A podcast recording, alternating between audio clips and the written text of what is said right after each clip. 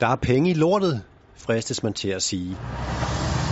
For her på Nordjyllands største biogasanlæg omdannes tonsvis af gylde til biogas, der sælges videre til produktion af el og varme. Det er der, vi laver 80 procent af gassen. Og det er faktisk en meget god forretning, Så 6 procent af den energi, vi producerer, bruger vi selv. både for miljøet og for ejer Jens Peter Lunden her. Besøget på Grøn Gas i Vrå var en del af en grøn inspirationsweekend, som bestyrelse og direktion forleden var på i det nordjyske. Jysk Bank har jo en grøn profil, og det er med til at understøtte vores grønne pro- profil.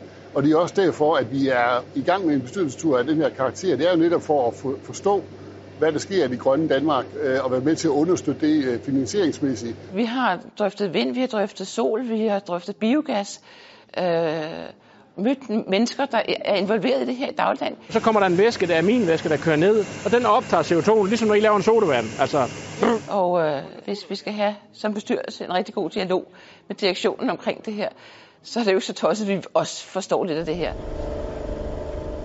Og der skal den, den kran, der skal løfte møllen på plads, den skal jo også have en plads, så det hele det er, er i orden. Så det skal jo bygges op. når vi rejser rundt, jamen, så møder vi nogle af fagfolkene. De gør os klogere, og forhåbentlig så medfører det, at vi også får nogle flere forretninger ud af det på sigt.